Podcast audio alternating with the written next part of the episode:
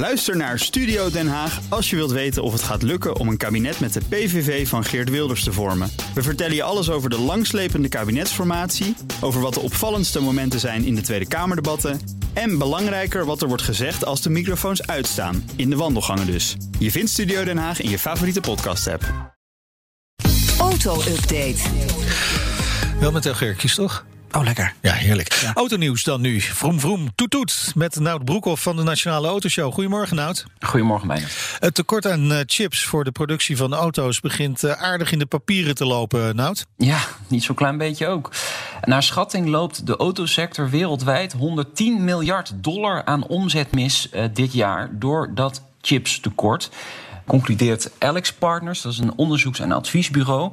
En zij denken dat uh, autofabrikanten dit jaar uh, bijna 4 miljoen auto's minder gaan bouwen door dat tekort. Het is natuurlijk nog maar een schatting, maar het zou goed mogelijk kunnen zijn, want alle signalen in de sector zijn dat het aanvullen van die chips nog wel even de komende kwartalen zal moeten aanhouden. En dat het misschien zelfs nog een paar jaar duurt om weer die hele productie weer op orde te krijgen. Dus 110 miljard dollar voor dit jaar is dan misschien nog. Uh, nou, is nog, is nog weinig, zullen we zeggen. Ja. Uh, nou, we hebben hier in Nederland uh, nauwelijks auto-industrie, wel toeleveranciers, maar uh, geen echte auto-industrie. Maar we zijn wel overal de baas, hè? Ja, Nederlander wordt de Europese baas van Mazda. Dat wou ik Martijn zeggen. ten Brink. Ja, Martijn ten Brink werkt al heel lang bij Mazda, was directeur van het merk in Nederland. Uh, ging uh, toen naar de Europese divisie toe, waar hij uh, vice president sales en customer service was. En hij maakt dus nu promotie. Maar vanaf 24 juni is hij de nieuwe president en CEO van Mazda Motor Europe. Maar het klinkt ook heel logisch, want jullie zeggen je kan in Nederland nergens de baas worden. Dus ja, dan moet je ergens anders in Europa de baas worden. Ja, dat klopt. Dat zie je ook bij de designers. Hè. Uh, we hebben heel veel uh, goede Nederlandse auto-ontwerpers.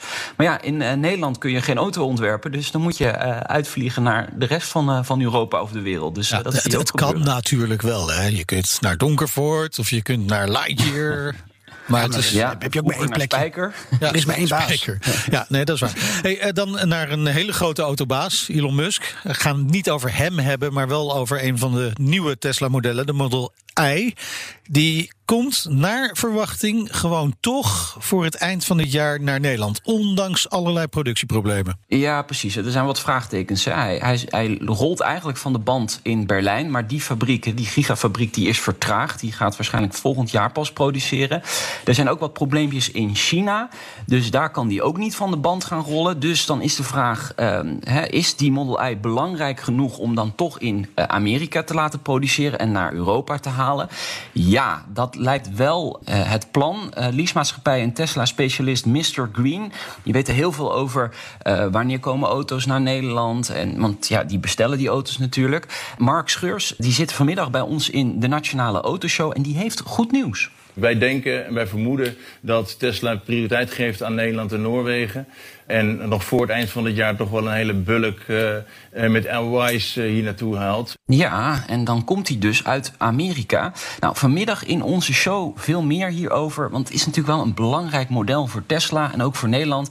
Bijvoorbeeld uh, bij Mr. Greenlease zijn er ook al ja, heel veel van die auto's aan orders geschreven. Dus oh ja. daar zitten mensen wel echt op te wachten. En, en dan kunnen de mensen weer naar de haven toe om die auto op te halen, denk ik. Ja, ja, ja. Hele grote boot komt dan aan. En dat is dan altijd feest bij de, de, de Tesla-fans natuurlijk. Kijk aan. Dan, uh, we blijven even bij de batterijtjes. Uh, Renault zou namelijk mogelijk toch weer heil zien in batterij wisselen. Dat hadden we toch afgesloten, dat hoofdstuk? Ja, dat dachten we wel. Tien jaar geleden eigenlijk al. Toen werd het namelijk al een keer geprobeerd. Hè? Uh, dat was toen in samenwerking met uh, Better Place. Maar dat werd met de Renault Fluence was dat, volgens ja, mij. Die heb ik nog gereden. Klopt, inderdaad. Jeetje. Ja. ja, dat was geen groot succes. Nu, Renault Influence? ja, Renault Fluence, ja, van vloeiend rijden. tijd ver voor, vooruit, inderdaad, wat dat betreft. Nee, um, ja, dat was gewoon geen succes. Het bedrijf is ook uiteindelijk um, failliet gegaan. Maar de nieuwe CEO van Renault, uh, dat is Luca de Meo... die ziet toch toekomst in dat verwisselen van batterijen. Uh, om zo toch een van de nadelen van, uh, van elektrisch rijden, van de elektrische auto te tackelen, het opladen. Natuurlijk, de technologie staat niet stil op dat vlak. Hè. We kunnen steeds sneller laden, maar dat kost wel geld. Dan moet je investeren. En dus zou je misschien toch ook kunnen kijken naar een makkelijkere oplossing. Alleen je moet dan natuurlijk wel een hoop van dat soort ja, fabriekshallen hebben om, om de auto Ja. eh, daar naartoe te brengen om die accu te wisselen. Dus dat kost ook geld. Dus ja, het is even kijken waarin ze nou echt gaan investeren. Heel concreet is het nog niet, maar hij sluit het zeker niet uit. Oké, dan gaan we nog even naar het eh, hoofdstukje diefstal. Toyota gaat Ja. in Groot-Brittannië de strijd aan met de diefstal eh, van katalysatoren. Die zijn kennelijk heel populair daar. Ja, is daar schering en inslag eh, bij hybride modellen van Toyota. Ja, er zitten een speciaal soort edelmetalen in. Die zijn interessant om eruit te halen en door te verkopen. Nou, wat gaat Toyota doen? Ze willen 100.000 onzichtbare watermerken gaan aanbrengen op eh, die katalysatoren, eh, zodat het diefstalrisico verkleind wordt.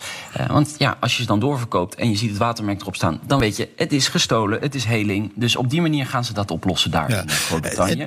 In, in, in Nederland heeft ook een bepaald specifiek probleem. Eigenaren van Ja. een Peugeot die kunnen zomaar 's ochtends wakker worden, naar buiten lopen naar hun auto en merken de motorkap is weg. Ja, dat is toch wel even een onaangename verrassing dan op dat moment. Het gaat voornamelijk om eh 5008 in de regio Rotterdam. Ja, dat is een schitterende motorkap is dat, hè? Ja, schitterend. Het mooiste van de hele auto. Zeker. Ja, zeker als je het bonnetje weet. Eh, het levert namelijk zo'n 3.000 tot 4.000 euro op eh, voor eh, dieven om het door te verkopen. Dus het is lucratieve business en waarschijnlijk wordt het op bestelling gestolen. Dus iemand zegt, ik heb zo'n motorkap nodig, dus ga hem voor mij vinden. En in de regio Rotterdam is hij al enkele keren gevonden. En eh, nou ja, het levert dus geld op. En alles wat geld oplevert, ja, dat wordt gestolen. Ja, Geert-Jan staat al in de startblok om naar de garage toe te lopen. Schroevendraaiertje in de hand. Ja, je hebt toch zo'n merk, de Peugeot, eh, Peugeot i-Off? Maar Geert-Jan heeft een Toyota, toch? Zeker, met, Die- met ja, motorkap. voor zijn katalysator. Ja, katalysator. voor je- Ja, Goed. precies. Nou, Ja, vertel er ook nog even bij waar ik woon, Nout. Bedankt. Hè. Handen af van de Toyota van Geert-Jan. Dankjewel, Nout. Vanmiddag om drie uur een nieuwe aflevering van de Nationale Autoshow. Uiteraard terug te luisteren via de bekende kanalen. De auto-update wordt mede mogelijk gemaakt door Leaseplan. Leaseplan. What's next? Bij BNR ben je altijd als eerste op de hoogte van het laatste nieuws. Luister dagelijks live via internet. Bas van Werven. En heel langzaam komt de zon op rond dit tijdstip. Je krijgt inzicht in de dag die komt op BNR, het Binnenhof in Nederland en de rest van de wereld. De Ochtendspits. Voor de beste start van je werkdag. Blijf scherp en mis niets.